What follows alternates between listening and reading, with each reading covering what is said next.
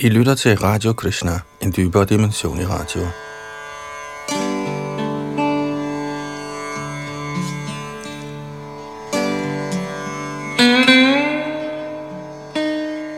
I den følgende time fortsætter vi med hengivenhedens nektar, og vi er i gang med kapitel 5, som handler om den hengivne tjenestes renhed. Det vil sige, at bhakti principielt befinder sig på et transcendentalt niveau og kan ikke betinges af materielle hensyn, såsom i hvilken klasse man måtte være født i samfundet osv. I dette her kapitel fortæller Rupa Goswami, at alle har adgang til hengiven tjeneste, samt at hengiven tjeneste befinder sig transcendentalt til alle andre handlinger. Vi skal da afslutte femte kapitel i dette udsendelse og også videre med kapitel 6, som handler om, hvordan man udfører hengiven tjeneste. Her bag mikrofon og teknik sidder Yadunandan Das.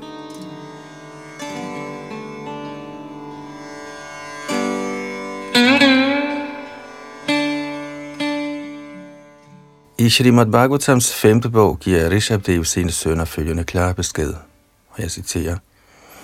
De, som er optaget af frugtbærende arbejde, må acceptere fødsel og død igen og igen, og indtil de udvikler en kærlig holdning over for Vasudev, kommer frihed for den materielle naturs strenge love ikke på tale. Citat slut. Som sådan skal en hvilken som helst person, som er nok så seriøst optaget af sin erhvervsmæssige pligt inden for Vardana og Ashram, men som ikke udvikler kærlighed til guddoms højeste person, Vasudev, anses for blot at spille sin menneskelige livsform.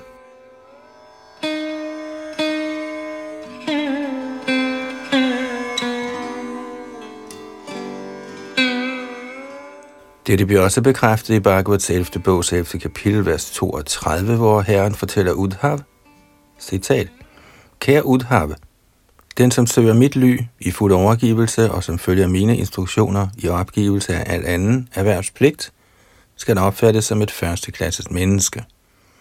Citat slut. Ud fra denne udtalelse fra guddommens højeste person skal det forstås, at folk, der almindeligvis knytter sig til filantropisk, etisk, moralsk, altruistisk, politisk og socialt velfærdsarbejde, kun kan betragtes som gode mennesker efter den materielle verdens målestok. Fra Bhagavat og andre autentiske vediske skrifter lærer vi endvidere, at hvis en person helt enkelt handler i Krishna-bevidsthed og gør hengiven tjeneste, skal han anses for langt, langt bedre stillet end alle de, som er optaget af filantropisk, etisk, moralsk, altruistisk, politisk eller socialt velfærdsarbejde.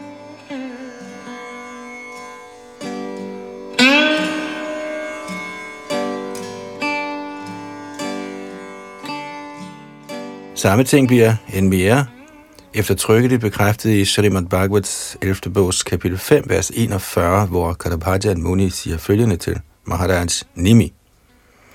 Citat. Kære konge, hvis en person forlader sine erhvervspligter, ligesom de foreskrives i de forskellige varner og ashrama, og i stedet søger komplet ly af og overgiver sig til herrens lotusfødder, er han ej længere nogen skyldner, og heller har han nødig at foretage sig de ting, vi gør for de store vismænd, forfædrene, de levende væsener, familien og samfundsmedlemmerne, og heller behøver han at ulejlige sig med de fem slags offer, eller jakja, for at gøre sig fri af syndig besmittelse. Ved den blotte udøvelse af hengiven tjeneste er han fri for alt slags forpligtelse. Citat slut. Betydningen er, at man lige så snart man fødes med det samme, står i gæld til så mange kilder. Man står i gæld til de store vismænd, fordi man har gavn af at læse deres autoritative skrifter og bøger. For eksempel benytter vi os af de bøger, Vyasadeva har skrevet. Vyasadeva har efterladt os alle vedderne.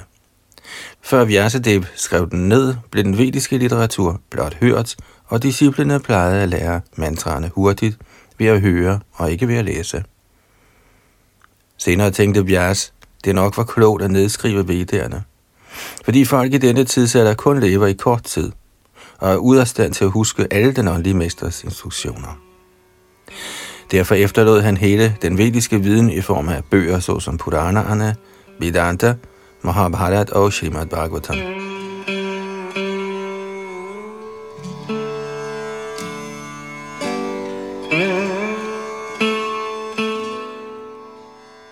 Der er mange andre vismænd, som for eksempel Shankaracharya, Gautam Muni og Narad Muni, til hvem vi står i gæld, fordi vi benytter os af deres viden. Ligeledes står vi i gæld til vores forfædre, fordi vi fødes i en bestemt familie, hvis fordele vi benytter os af, og hvis ejendom vi arver. Derfor står vi i gæld til forfædrene og må tilbyde dem pinda, prasad, efter at de er gået bort. Ligeledes står vi også i gæld til den generelle befolkning, ligesom også til vores slægtninge, venner og sågar dyr, såsom køer og hunde, der tjener os på så mange måder. På den måde står vi i gæld til halvguderne, forfædrene, vismændene, dyrene og samfundet som helhed. Det er vores pligt at gengælde dem alle sammen med behørig tjeneste. Men med et eneste slag af hengiven tjeneste er man, i det man forlader alle anden pligt og blot overgiver sig til guddommens højeste person, ej længere nogen skyldner, eller forpligtet over for nogen andre forsyningskilder. Også i Bhagavad Gita siger Herren, Opgiv alle dine pligter og bliv mig blot overgiven. Jeg forsikrer dig for, at jeg nok skal beskytte dig imod al reaktion på synd. Man kunne tro, at fordi man overgiver sig til guddommens højeste person, vil man ikke kunne passe sine øvrige pligter. Men Herren siger gentagende gange, tøv ikke, tro ikke, at der blot fordi du forlader al anden pligt, vil være mangler i dit liv. Sådan må du ikke tænke, jeg skal nok beskytte dig på alle måder. Det er Krishnas forsikring i Bhagavad Gita.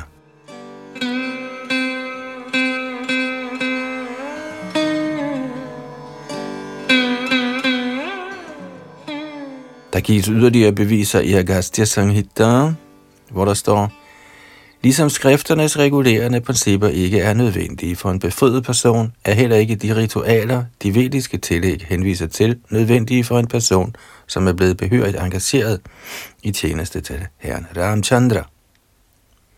Med andre ord er herren Ramchandra eller Krishnas hengivne allerede befriede personer og har som sådan ikke nødig at følge alle de regulerende principper, der omtales i de rituelle afsnit af den vediske litteratur.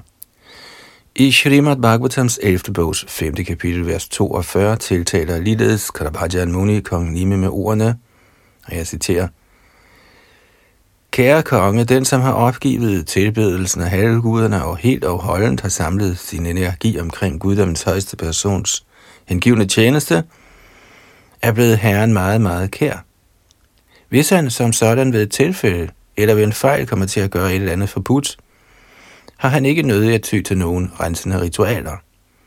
Fordi herren befinder sig inde i hans hjerte, får han med en lidenhed med den hengivnes hændelige fejltrin og korrigerer ham indefra. Citat slut. I Bhagavad Gita bliver det også mange steder bekræftet, at guddommens højeste person, Krishna, i særlig grad interesserer sig for sine hengivne, og han bekendtgør eftertrykkeligt, at intet kan få hans hengivne til at falde ned. Han beskytter dem altid. Og det var slut på femte kapitel, denne hengivne tjenestes renhed.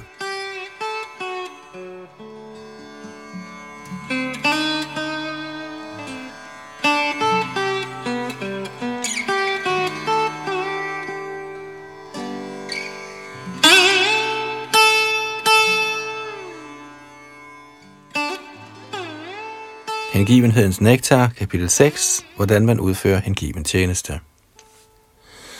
Shrita Rupa Goswami udtaler, at hans ældre bror Sanatan Goswami har samlet Hari Bhakti Vilas til Vaishnavaernes vejledning, og i den har nævnt mange regler og forskrifter, der skal overholdes af Vaishnavaerne. Nogle af disse er meget vigtige og fremtrædende, og Shri Rup Goswami vil nu omtale disse meget vigtige punkter til gavn for os. Betydningen af denne udtalelse er, at Sri Rup Goswami kun agter at nævne grundlæggende principper, ikke detaljer. For eksempel er det et grundlæggende princip, at man må acceptere en åndelig mester. Lige nøjagtigt, hvordan man følger sin åndelige mesters instruktioner, anses for en detalje. Hvis man for eksempel følger en instruktion fra sin åndelige mester, og den instruktion adskiller sig fra en anden åndelig mesters, kaldes dette for detaljeret information – men det grundlæggende princip af at acceptere en åndelig mester er almengyldigt, selvom detaljerne kan variere. Shrita Rupa Goswami ønsker ikke at gå i detaljer her, men snarere kun præsenteres for principperne. Han nævner de grundlæggende principper som følger, som er af et antal på 10. Nummer 1 er at acceptere ly af en ægte åndelig mesters lotusfødder. Nummer 2 er at altså lade sig indvige den åndelige mester og lære den hengivende tjenestes fremgangsmåde af ham. Nummer 3 at adlyde den åndelige mesters befalinger med tillid og helligelse. Nummer 4 at gå i de store acharyas, altså lærers, fodspor under vejledning af den åndelige mester. Nummer 5 at stille den åndelige mesters spørgsmål med henblik på, hvordan man gør fremskridt i Krishna bevidsthed. Nummer 6. At være rede til at opgive hvad som helst materielt til glæde for guddommens højeste person, Shri Krishna. Og i parentes bemærket, dette betyder, at vi må være klar til at opgive noget, vi muligvis ikke bryder os om at opgive, samt at acceptere noget, vi muligvis ikke bryder os om at acceptere. Slut på parentesen.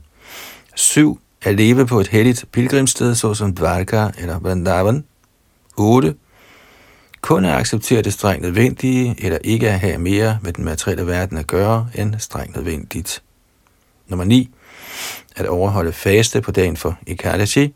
Og 10. At tilbede hellige træer, såsom banyan-træet.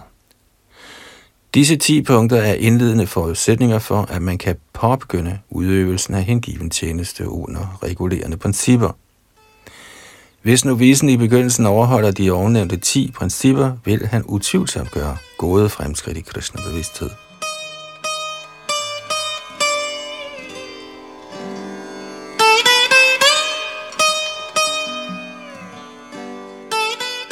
De næste sæt instruktioner er som følger, og har også talt om 10.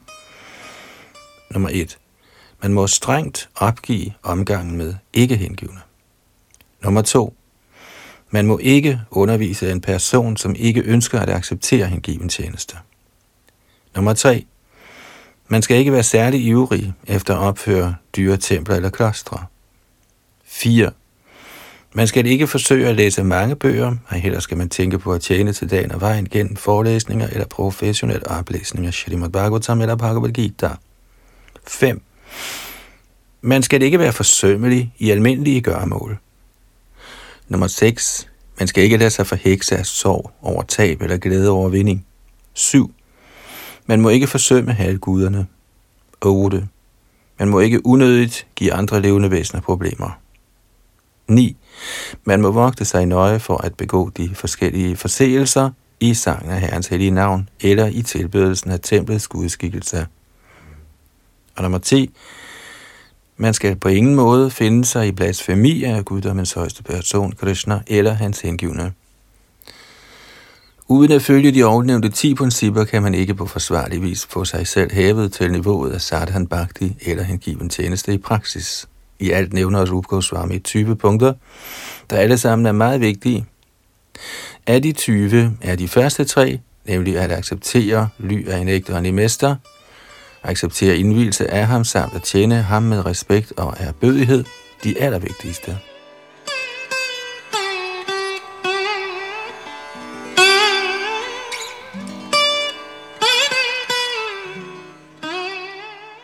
De næste vigtige punkter er som følger, og de er i alt 44.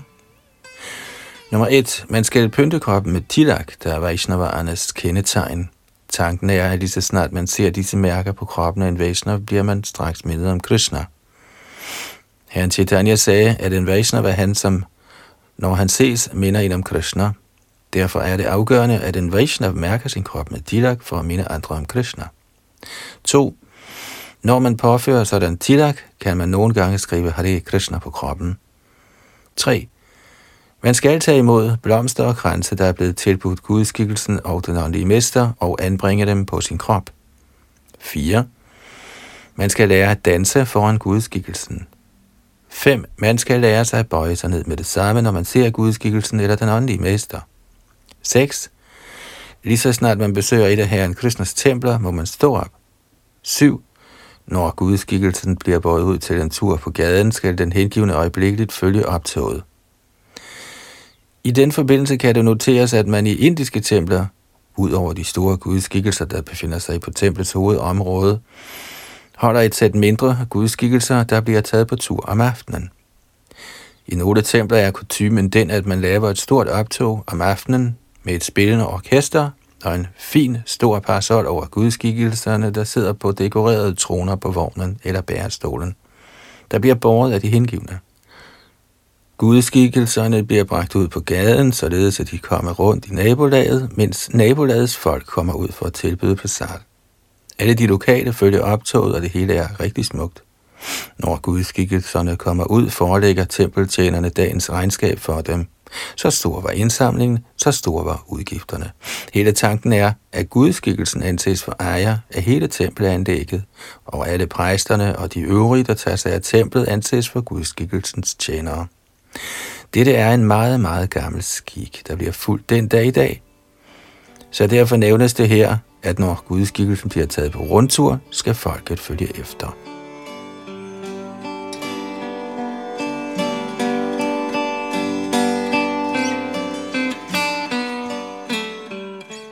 Nummer 8. En hengiven skal besøge et Vishnu-tempel mindst en eller to gange dagligt, morgen og aften. I Vrindavan bliver denne skik fuldt meget strengt. Hver morgen og aften går alle byens hengivne ud for at besøge forskellige templer. På disse tidspunkter er der derfor en del trængsel over hele byen. Der ligger i omegnen af 5.000 templer i Vrindavans store by. Selvfølgelig kan man ikke besøge alle templerne, men der er i det mindste et dusin meget store og vigtige templer, der blev opført af Goswamierne og som skal besøges. Nummer 9. Man skal gå rundt om tempelbygningen mindst tre gange. I hver tempel er der sørget for, at man kan gå rundt om templet mindst tre gange. Nogle hengivne går rundt flere gange end tre, 10 gange, 15 gange, alt efter deres løfter. Goswamierne plejer at gå rundt om Govardhanhøjen. Man skal da også gå rundt om hele Vrindavans område. Nummer 10. Man skal tilbede templets gudskikkelse i overensstemmelse med de regulerende principper. Man tilbyder arati og prasad, dekorerer gudskikkelsen osv. Disse ting skal følges regelmæssigt. Nummer 11. Man skal gøre personlig tjeneste for gudskikkelserne. Nummer 12. Man skal synge. Nummer 13. Man skal udføre sankirtan. 14. Man skal lovprise. 15. Man skal fremsige bønder. 16. Man skal fremsige hørebare bønder. 17. Man skal smage mahaprasad, eller mad direkte fra den tallerken, der er blevet serveret foran gudskikkelserne. 18. Man skal drikke charanamrit, gudskikkelsernes badevand, der tilbydes gæster. 19. Man skal lugte til røgelse og blomster, der er blevet tilbudt gudskikkelserne. 20. Man skal røre ved gudskikkelsernes lotusfødder. Nummer 21. Man skal se gudskikkelsen med stor hengivenhed. Nummer 22. Man skal tilbyde arterdrik på forskellige tidspunkter. Nummer 23. Man skal høre om Herren og hans leje fra Srimad Bhagavat, Bhagavad Gita og lignende bøger. 24. Man skal bede til gudskikkelse om at måtte få hans barmhjertighed.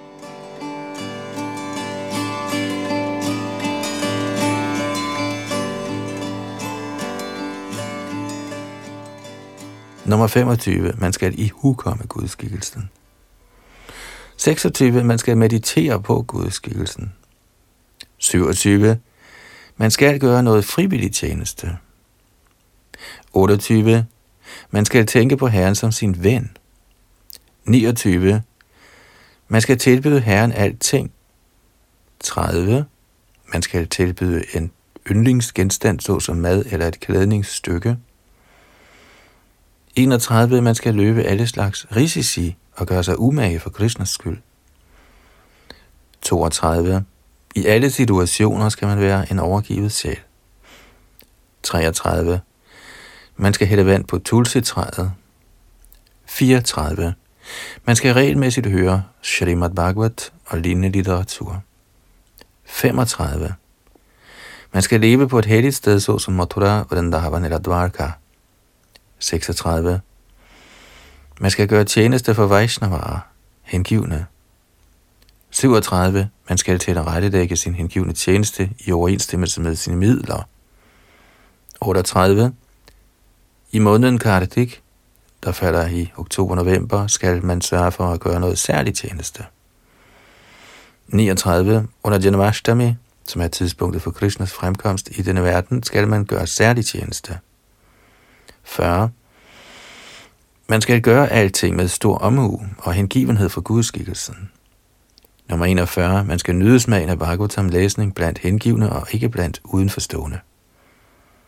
42. Man skal omgås hengivne, der regnes for mere avancerede. 43. Man skal ytre Herrens hellige navn. 44. Man skal leve inden for Mathuras domskreds.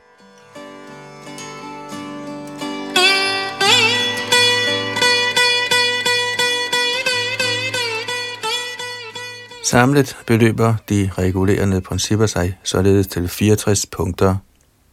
Som vi har nævnt, er de første 10 primære regulerende principper. Så kommer de sekundære 10 regulerende principper, og hertil føjes yderligere 44 andre punkter. Derfor er der i alt 64 punkter til vejledning af den hengivende tjenestes regulerende praksis. Af disse 64 punkter er fem nemlig tilbedelse af gudskikkelsen, at høre Srimad Bhagavat, at pleje omgang med de hengivne, Sankirtan samt at bo i Mathura særlig vigtige. Den hengivne tjenestes 64 punkter skal indbefatte alle vores aktiviteter med læge, sind og tale. Som udtalt i begyndelsen påbyder den hengivne tjenestes regulerende principper, at alle vores sanser tages i brug i Herrens tjeneste. Nøjagtigt hvordan de på denne måde kan tages i brug, beskrives i disse 64 punkter. Nu har Shri Rup Goswami i sinde at give beviser fra forskellige skrifter til støtte for ægtheden af mange af disse punkter. Og det var slut på kapitel 6, hvordan man udfører hengiven tjeneste.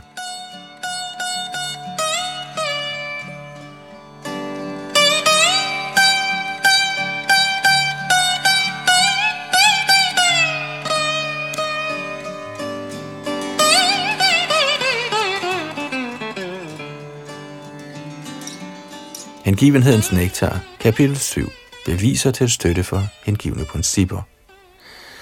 At acceptere ly af en ægte åndelig mester. I Srimad Bhagavatams 11. bogs 3. kapitel, vers 21, siger Prabuddha følgende til Maharaj Nimi. Og jeg citerer, Kære konge, vær forvisset om, at der ikke er nogen lykke i den materielle verden. Det er simpelthen en fejl at tro, at lykken kan findes her – når dette sted blot er fuld af elendige tilstande. Den, som alvorligt ønsker virkelig lykke, må opsøge en mester og acceptere hans ly gennem indvielse.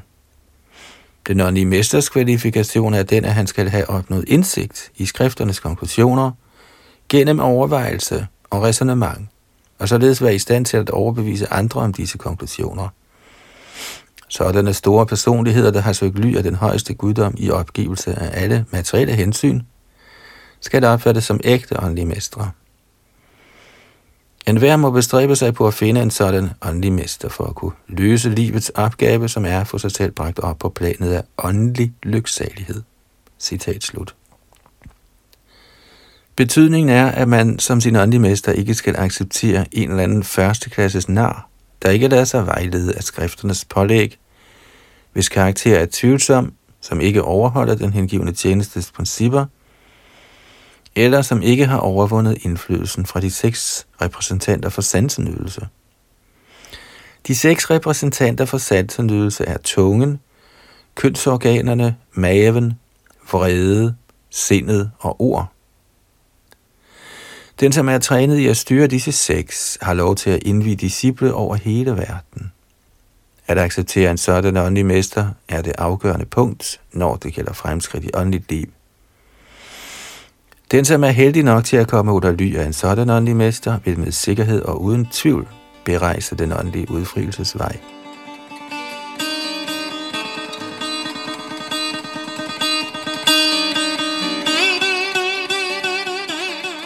At acceptere indvielse fra den åndelige mester og lade sig undervise af ham – Vismanden Buddha talte fortsat til kongen som følger. Og jeg citerer, Kære konge, en disciple skal ikke alene acceptere den åndelige mester som åndelig mester, men også som repræsentant for guddommens højeste person og oversjælen.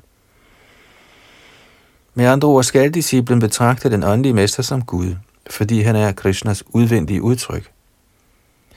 Et hvert skrift støtter dette, og en disciple må acceptere den åndelige mester som sådan. Man må lære Srimad Bhagavatam seriøst og med al respekt og erbødighed for den åndelige mester. At høre og tale Srimad Bhagavatam er den religiøse proces, der hæver en til planet af at tjene og elske Guddommens højeste person. Citat slut. Disciplens holdning skal være at tilfredsstille den ægte åndelige mester.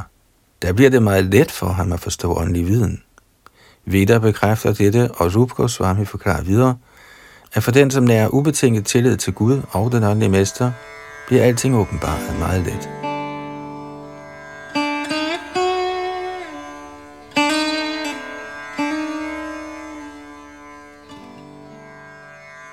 At tjene den åndelige mester med tro og tillid. Hvad angår indvielse af den åndelige mester, udtaler Krishna i Bhagavats 11. bogs 17. kapitel, vers 27. Kære Udhav, den åndelige mester skal ikke alene accepteres som repræsentant for mig, men som mit faktiske selv. Han må aldrig opfattes som på niveau med et almindeligt menneske. Man må aldrig misunde den åndelige mester, ligesom man muligvis misunder en almindelig mand. Den åndelige mester skal altid ses som repræsentant for guddommens højeste person, og ved at tjene den åndelige mester bliver man i stand til at tjene alle halvguderne.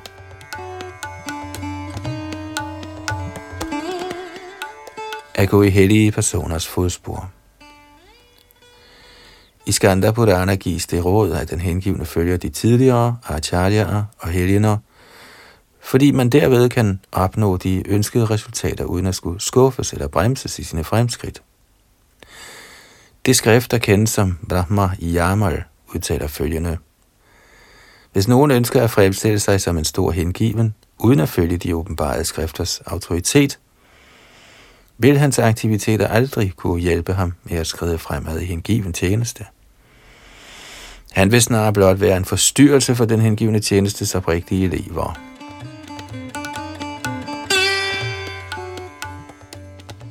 De, som ikke strengt overholder de åbenbarede skrifters principper, kaldes i reglen for sahajia, eller de, som forestiller sig, at alting er letkøbt, som nærer deres egne opdægtede idéer, og som ikke følger skrifternes pålæg. Sådanne personer skaber kun forstyrrelse i den hengivne tjenestes praksis.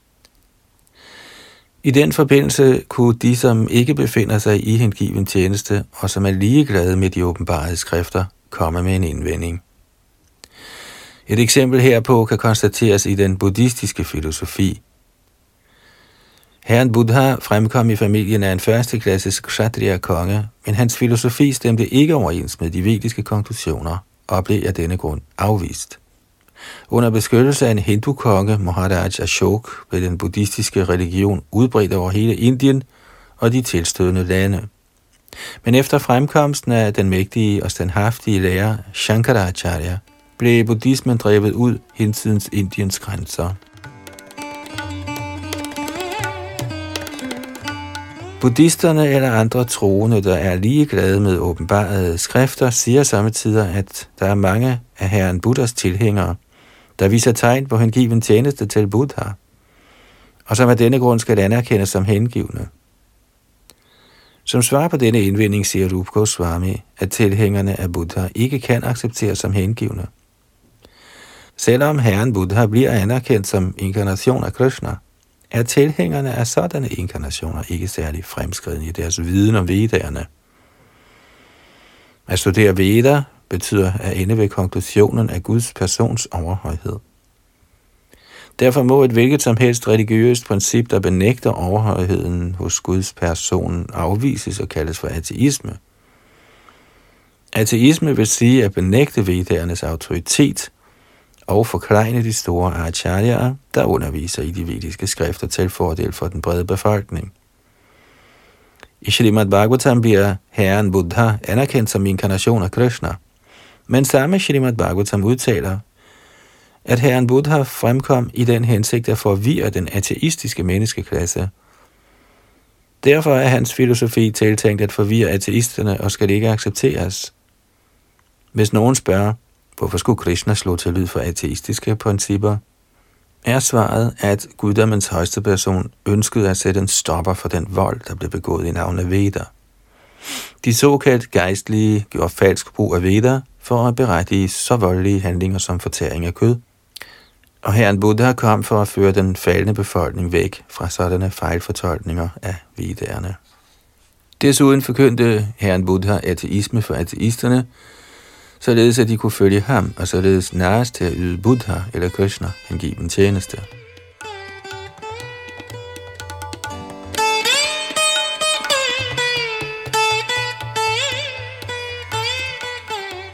At stille spørgsmål om evige religiøse principper.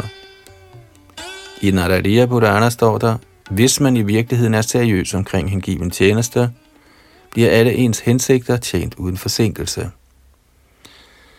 at være reddet til at opgive alting materielt til glæde for Krishna. Padma Purana udtaler, den, som har opgivet sin materielle sansenydelse og har accepteret den hengivne tjenestes principper, har rigdommerne i Vishnu-loka, eller Guds rige, i vente.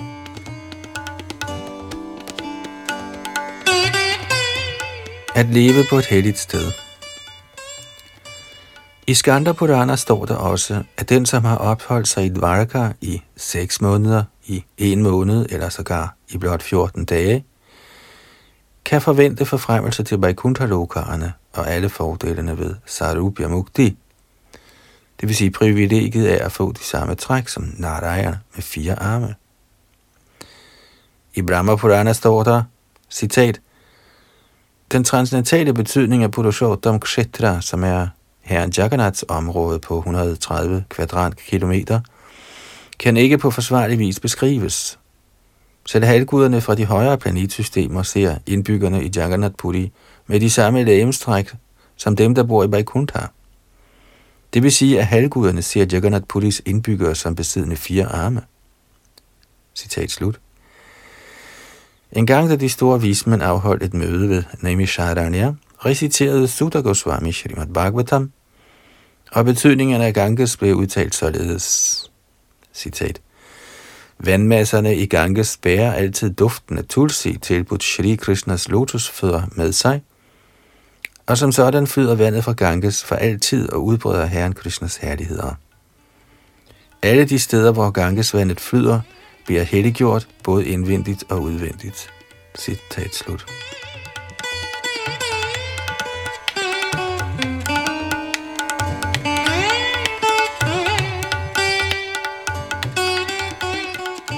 Kun at acceptere det strengt nødvendige. I Naradiya Purana gives følgende vejledning, jeg citerer, man må ikke acceptere mere end det strengt nødvendige, hvis man er alvorlig med hensyn til at gøre hengiven tjeneste. Citat slut. Betydningen er, at man ikke må forsømme at overholde den hengivende tjenestes principper, ej heller skal man underlægge sig i dem af den hengivende tjenestes afgørelser, man ikke med lethed kan overholde. For eksempel finder man måske en udtalelse om, at man mindst skal recitere Hare Krishna mantra 100.000 gange på sin perlekæde. Men hvis dette ikke lader sig gøre, må man nedsætte sin recitation efter hans egen evne. I reglen anbefaler vi, at vores elever reciterer et minimum af 16 omgange dagligt på deres japa-perler, og dette skal afsluttes. Men er man ikke engang i stand til at recitere 16 omgange, må man indhente det næste dag. Man må drage omsorg for, at man holder sine løfter. Hvis ikke man nøje overholder dette, bliver man helt sikkert forsømmelig.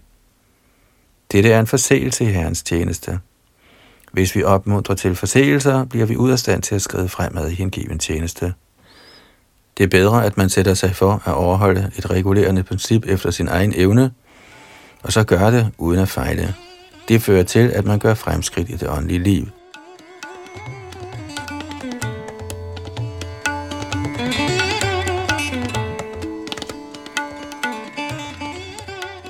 At overholde faste på Ikadashi.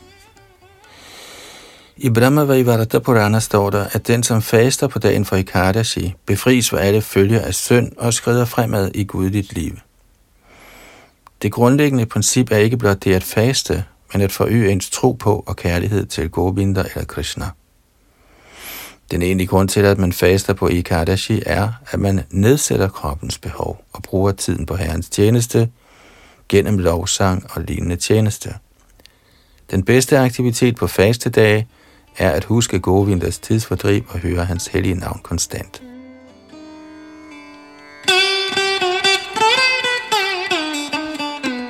At vise respekt for banyan-træerne.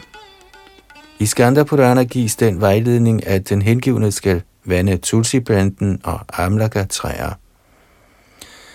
Han skal vise respekt for køerne og for brahminerne og skal tjene Vaishnavarerne ved at vise dem ærbødig respekt og meditere på dem. Alle disse metoder vil hjælpe den hengivne med at få nedsat reaktionerne på hans tidligere syndige handlinger. At opgive omgangen med ikke hengivne. Herren Chaitanya blev engang spurgt af en af sine familieforsørger hengivne om, hvordan en Vaishnavs generelle opførsel skal være. Herren Chaitanya svarede, at en Vaishnav altid må opgive omgangen med ikke hengivne. Herefter forklarede han, at der er to slags ikke hengivne. En klasse er imod Krishnas overhøjhed, og en anden klasse er alt for materialistisk. Med andre ord kaldes de, som går efter materielle glæder, og de, som er imod Herrens overhøjhed, for Avaishnav. Og man må absolut undgå deres selskab. I Kartjajan Sanghita står der, at selv hvis man tvinges til at opholde sig inde i et jernbur, midt i en rasende ild, er man bedre stillet, end hvis man må leve sammen med ikke hengivne, der er helt imod Herrens overhøjhed. Ligeledes udtaler Vishnu Rahasya, at man hellere skal foretrække at omfavne en slange, en tiger eller en alligator, end at blive omgang med personer, der tilbeder forskellige halvguder og som drives af materielt begær.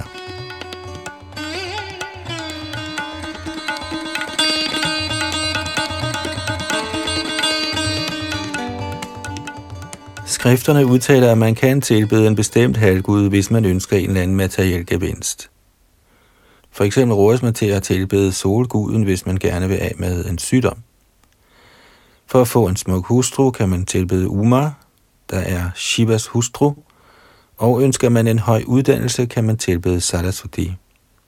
Ligeledes er der en liste i Bhagavat for tilbedere af alle halvguder i overensstemmelse med varierende materielle ønsker – men alle disse tilbedere må, skønt de nok forekommer at være halvguderne meget hengivne, alligevel betragtes som ikke hengivne. De kan ikke accepteres som hengivne. Maya-værdierne, det vil sige upersonlighedsfilosoferne, siger, at man kan tilbede en hvilken som helst form af Herren, og at det er lige meget, fordi man alligevel ender samme sted. Men Bhagavad Gita udtaler klart, at de, som tilbeder halvguderne, kun ender på disse halvguders planeter, mens de, som hengiver sig til Herren selv, kommer til Herrens bolig, Guds rige. Så faktisk er halvgudernes tilbedere blevet fordømt i Gitaen. Det beskrives, at de på grund af deres lystne begær har tabt deres forstand, og af denne grund tyr til forskellige artede halvgude tilbedelser. Så i Vishnu Dahasya bliver disse tilbedere af halvguder kraftigt fordømt med den udtalelse, at man hellere skulle leve blandt de farligste af dyr, end at omgås disse personer.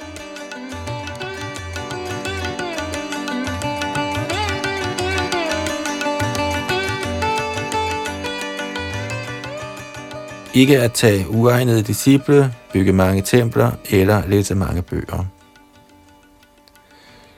En anden begrænsning er, at en person nok kan have mange disciple, men han må ikke handle på en sådan måde, at han kommer til at stå i gæld til nogen af dem på grund af en eller anden handling eller tjeneste.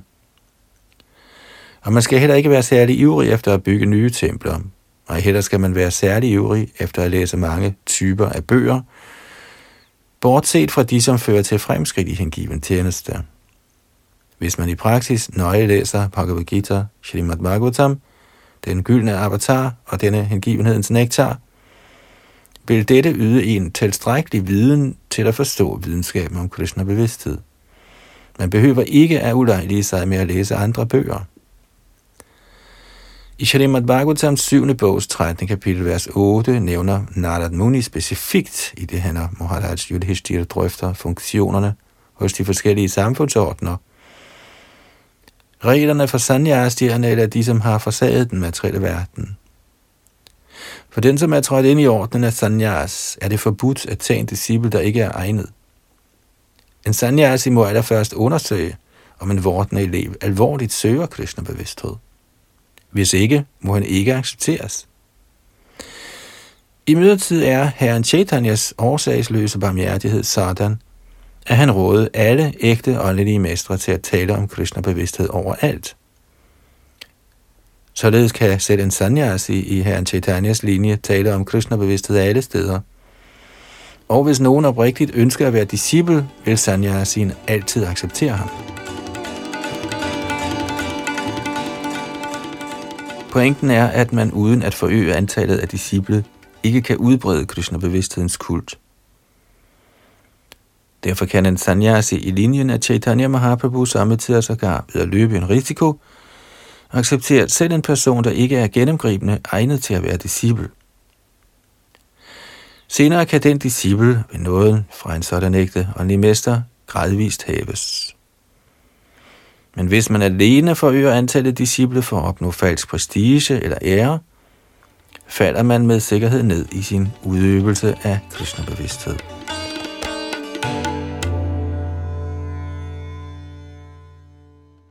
Ligeledes er det heller ikke den åndelige mesters opgave at læse mange bøger, for blot at give indtryk af stor kunden, eller for at opnå popularitet ved at forelæse forskellige steder. Alt dette må undgås. Det udtales desuden, at en sanyasi ikke skal være ivrig efter at opføre templer. Når vi undersøger de forskellige acharyaer i linjen af Shri Chaitanya Mahaprabhu, ser vi, at de ikke er den store iver efter at bygge templer. Hvis nogen imidlertid melder sig og tilbyder noget tjeneste, vil de samme modstræbende acharyaer opmuntre til, at disse tjenere opfører kostbare templer. For eksempel blev Rup Goswami tilbudt en tjeneste af Maharaj Man Singh, der var kejser Akbares øverst befalende, og Rup Goswami bad ham bygge et stort tempel til Govindaji, der kostede enorme mængder af penge.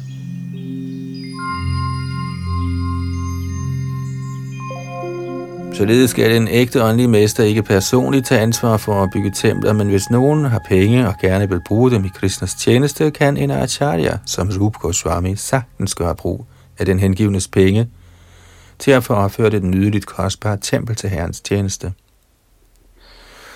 Desværre forekommer det, at en person, som ikke egner sig til at være åndelig mester, opsøger velstående personer med henblik på bidrag til tempelbyggerier – hvis disse penge bliver brugt af ukvalificerede åndelige mestre med henblik på at leve komfortabelt i dyre templer, uden i virkeligheden at gøre noget forkyndelsesarbejde, er dette ikke acceptabelt. Med andre ord behøver en åndelig mester ikke at være særlig ivrig efter at opføre tempelbygninger blot i navn af såkaldt åndelige fremskridt. Snarere skal hans primære aktivitet være at forkynde. I den forbindelse anbefaler Shri Bhakti Siddhanta Saraswati Goswami Maharaj at den åndelige mester trykker bøger. Har man penge, skal man snarere, end at bygge dyre templer, bruge dem på udgivelsen af autoriserede bøger på forskellige sprog med henblik på at få udbredt bevægelsen for Krishna-bevidsthed.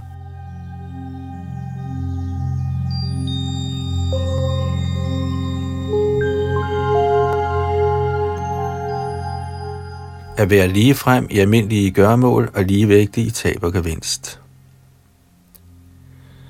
Der er en udtalelse i Padma Purana, og jeg citerer, Personer, der dyrker Krishna-bevidsthed, må aldrig lade sig forstyrre af materielle tab eller vindinger. Selvom man mister noget materielt, må man ikke lade sig forstyrre. Man skal hele tiden tænke på Krishna ind i sig selv. Citat slut. Betydningen er, at den betingede sjæl altid er fordybet i tanker på materialistiske aktiviteter – han må gøre sig fri af sådanne tanker og få sig selv fuldstændigt overført til Krishna-bevidsthed. Ligesom vi allerede har forklaret, er Krishna-bevidsthedens grundprincip altid at tænke på Krishna. Man skal ikke lade sig anfægte af materielle tab, man skal snarere samle sin opmærksomhed om Herrens lotusfødder. Den hengivne må ikke være underlagt sorg eller vildfarelse. Padma Purana udtaler – i hjertet på den, som overmandes af sorg eller vrede, kan Krishna umuligt komme til syne.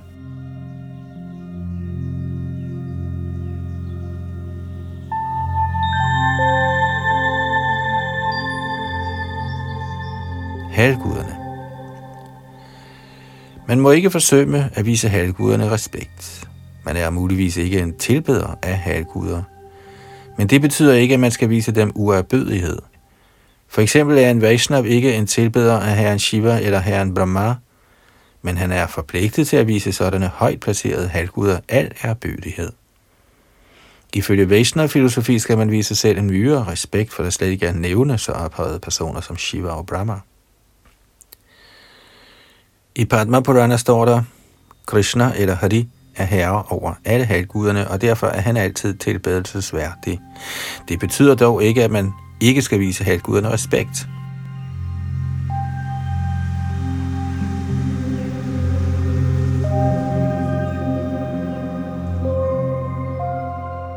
Ikke at pine noget levende væsen. Mahabharat udtaler, og jeg citerer, den, som ikke forstyrrer eller forvolder smerte i senet på noget levende væsen, som behandler alle, ligesom en kærlig far behandler sine børn, og hvis hjertet er så rent, opnår helt sikkert hurtigt guddommens højeste persons gunst. Citat slut. I et såkaldt civiliseret samfund bliver der under tiden agiteret imod dyreplageri, men samtidig bliver der opretholdt regulære slagterier. En Vaishnav er ikke sådan. En Vaishnav kan ikke støtte dyreslagt eller sågar forvolde noget andet levende væsens smerte. Og det var så slut på syvende kapitel.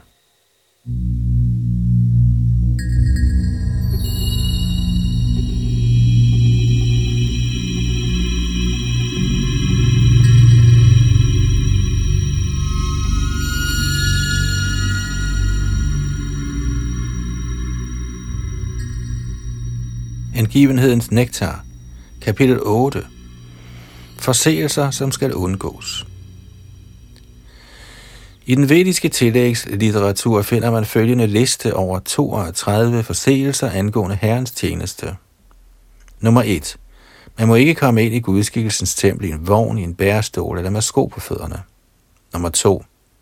Man må ikke forsøge at overholde de forskellige festivaler til glæde for guddommens højeste person, såsom Janamashtami og Radhyatra. Nummer 3. Man må ikke forsømme at bøje sig ned foran gudskikkelsen. 4. Man skal ikke komme ind i templet for at tilbede Herren uden at have vasket sine hænder og fødder efter at have spist.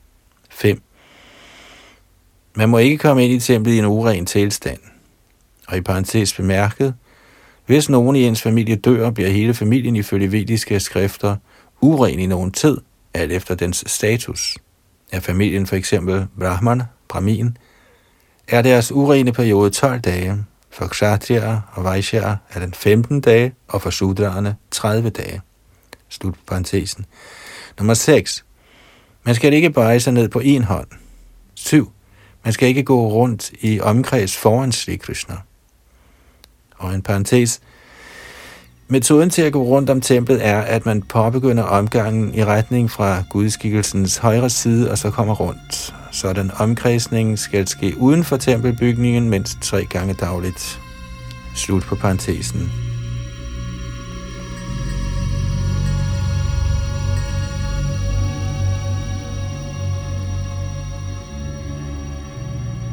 Nummer 8.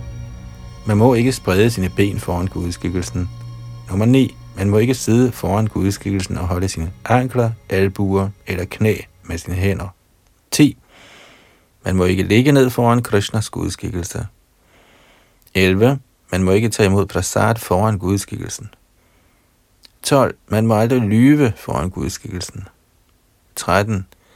Man må ikke tale højt foran gudskikkelsen. 14. Man skal ikke tale med andre foran gudskikkelsen. 15.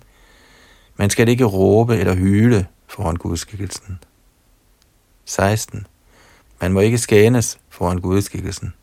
17. Man må ikke revse nogen foran gudskikkelsen. 18. Man skal ikke være godgørende over for tiggere foran gudskikkelsen. 19. Man skal ikke tale hårdt mod andre foran gudskikkelsen. 20. Man skal ikke bære et tæppe af pels foran gudskikkelsen.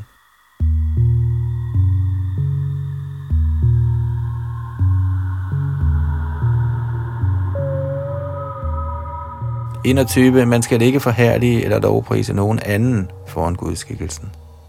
22. Man må ikke sige grimme ord foran gudskikkelsen. 23. Man må ikke slippe en vind foran gudskikkelsen. 24. Man må ikke forsøge med at tilbede gudskikkelsen alt efter ens midler. Og i parentes bemærket, i Bhagavad Gita bliver det udtalt, at Herren er tilfreds, hvis en hengiven tilbyder ham sågar et blad eller lidt vand. Denne formel, som Herren har givet, er universelt anvendelig på selv det fattigste af mennesker. Men det betyder ikke, at den, som ejer tilstrækkelige midler til overdådig tilbedelse af Herren, også skal tage denne metode i brug. Og blot forsøge at glæde Herren med lidt vand og et blad. Har man midler nok, må man sørge for fine dekorationer, fine blomster og fin mad samt overholde alle højtider. Man skal med andre ord ikke blot forsøge at glæde herren med lidt vand og et blad, og så selv bruge alle penge på sansenydelse. Slut på parentesen.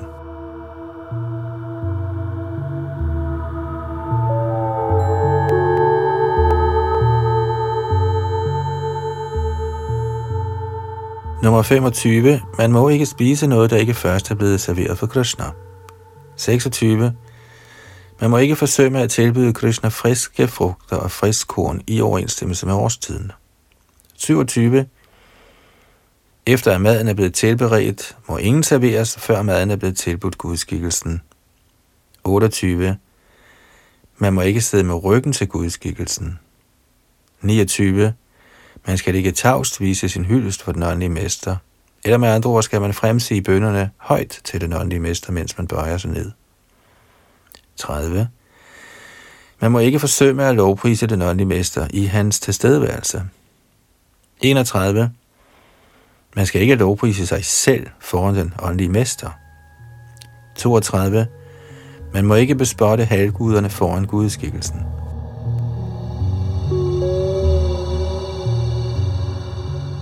Dette er en liste af 32 forseelser. Udover disse er der et antal forseelser, der omtales i Varaha Purana.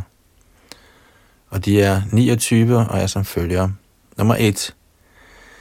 Man skal ikke røre ved gudskikkelsen i et mørkt værelse. Nummer 2. Man må ikke forsømme strengt at overholde regler og forskrifter i forbindelse med tilbedelsen af gudskikkelsen. 3. Man må ikke komme ind i gudskikkelsens tempel uden først at lave en eller anden lyd 4. Man må ikke tilbyde gudskikkelsen mad, der er blevet set af hunde eller andre laber og dyr. 5.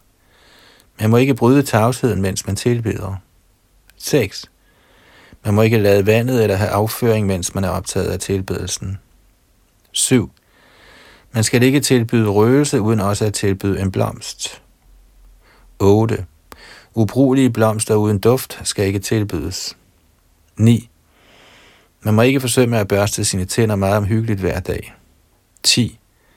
Man må ikke komme ind i templet direkte efter seksuelt samkvem. 11. Man må ikke røre ved en kvinde under hendes menstruation. 12. Man må ikke komme ind i templet efter at have rørt ved en død krop. 13. Man må ikke komme ind i templet iført rødt, blåt eller uvasket tøj. 14. Man må ikke komme ind i templet, efter man har set en død krop. 15. Man må ikke slippe en vind i templet. 16. Man må ikke være vred i templet. 17. Man må ikke komme ind i templet efter at have besøgt et krematorium. 18. Man må ikke bøvse foran gudskikkelsen, således skal man ikke komme ind i templet, før man har fordøjet maden ordentligt. 19. Man må ikke ryge marihuana eller ganja. 20. Man må ikke indtage opium eller lignende rusmidler. 21. Man må ikke komme ind i gudskikkelsens værelse eller røre ved gudskikkelsen, efter man har indsmurt sin krop i olie. 22. Man må ikke udvise manglende respekt for et skrift, der lærer om Herrens overhøjhed. 23. Man må ikke indføre nogen modstridende skrifter. 24. Man skal ikke tykke betel foran gudskikkelsen, 25. Man skal ikke tilbyde en blomst, der har været opbevaret i en uren krukke. 26. Man må ikke tilbyde herren, mens man sidder direkte på gulvet. Man skal have et sæde eller en måtte. 27. Man skal ikke røre ved gudskikkelsen, før man er færdig med sit bad. 28. Man skal ikke dekorere sin pande med tilak bestående af tre linjer. 29. Man skal ikke komme ind i templet uden at vaske sine hænder og fødder.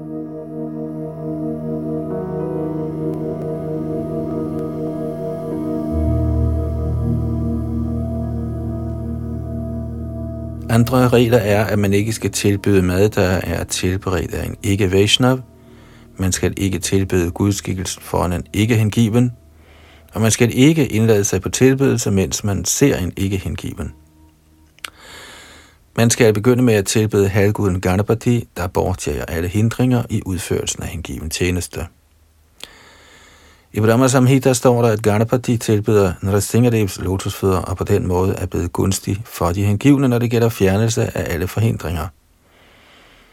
Derfor skal alle hengivne tilbyde Ganapati. Gudskikkelserne må ikke bades i vand, der er blevet berørt med neglene eller fingrene. Når en hengiven sveder, skal han ikke indlade sig på tilbedelse af gudskikkelsen. Der er ligeledes mange andre forbud. For eksempel må man ikke træde hen over de blomster, gudskikkelserne er blevet tilbudt, og heller skal man aflægge et løfte i Guds navn. Disse er alle sammen forskellige slags forseelser, når det gælder den hengivende tjenestes udførelse, og man må vogte sig nøje for at begå dem.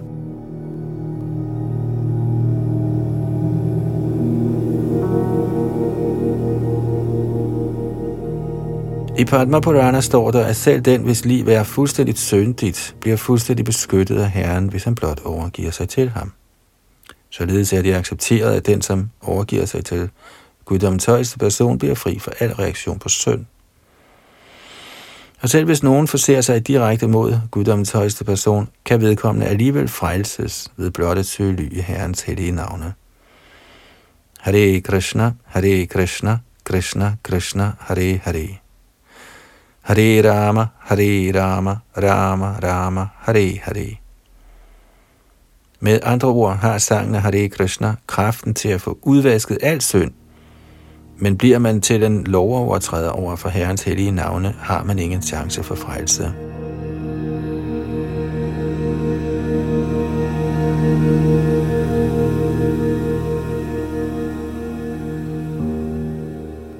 Forseelserne imod sangen af det hellige navn er som følger. Nummer 1. At bespotte de hengivne, der har videt deres liv til udbredelsen af Herrens hellige navn. Nummer 2. At opfatte navnene på halvguder såsom Herren Shiva eller Herren Brahma, som værende på højde med eller uafhængige af Herren Vishnus navn. Og i parentes bemærket, Samtidig opfatter mennesker fra den ateistiske klasse enhver halvgud som på niveau med guddommens højeste person Vishnu – men den, som er hengiven, er klar over, at ingen halvgud, uanset hvor mægtig, uafhængig kan komme på højde med guddommens højeste person. Så hvis nogen tænker, at man kan synge Kali, Kali eller Durga, Durga, og at det er det samme som Hare Krishna, er det den største forseelse. Slut på parentesen. 3. Ikke at adlyde den åndelige mesters befalinger. 4 at bespotte den vediske litteratur eller litteratur, der stemmer overens med den vediske udlægning. 5. At tro, at herligheden ved sangene Hare Krishna blot er indbildning. 6. At give en eller anden fortolkning af Herrens hellige navn. 7. At begå synd i kraft af Herrens hellige navn. Og i parentes bemærket, det skal ikke forstås derhen, at man blot fordi man synger Herrens hellige navn og kan befries for alt slags reaktion på synd, kan blive ved med at handle syndigt, og herefter synge Hare Krishna for at ophæve sine sønder. En sådan farlig mentalitet er meget fornærmelig og må undgås. Slut på parentesen. 8. At anse sangen af Hare Krishna for at være en af de rituelle, lykkebringende aktiviteter, der tilbydes i vedderne som frugtbærende aktiviteter, karma kanda. 9 at undervise en troløs person i det hellige navns herligheder. Og i parentes bemærket, alle kan deltage i sangen af Herrens hellige navn, men til at begynde med skal man ikke undervises i Herrens transcendentale kraft. De, som er alt for syndige, kan ikke påskynde Herrens transcendentale herligheder, og derfor er det bedre ikke at undervise dem i dette emne. Slut på parentesen. Og nummer 10. Ikke at have fuldkommen tro på sangen af de hellige navne, og at fastholde materielle bånd, selv efter at have forstået så mange instruktioner desangående. En hver hengiven, der hævder at være en Vaishnav, må vogte sig for at begå disse forseelser for hurtigt at nå det ønskede resultat.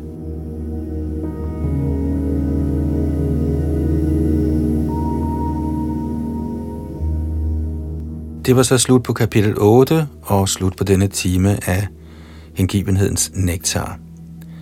I næste time fortsætter vi med kapitel 9, yderligere drøftelse af hengivne principper. Og det var Yadunandan Das bag mikrofon og teknik.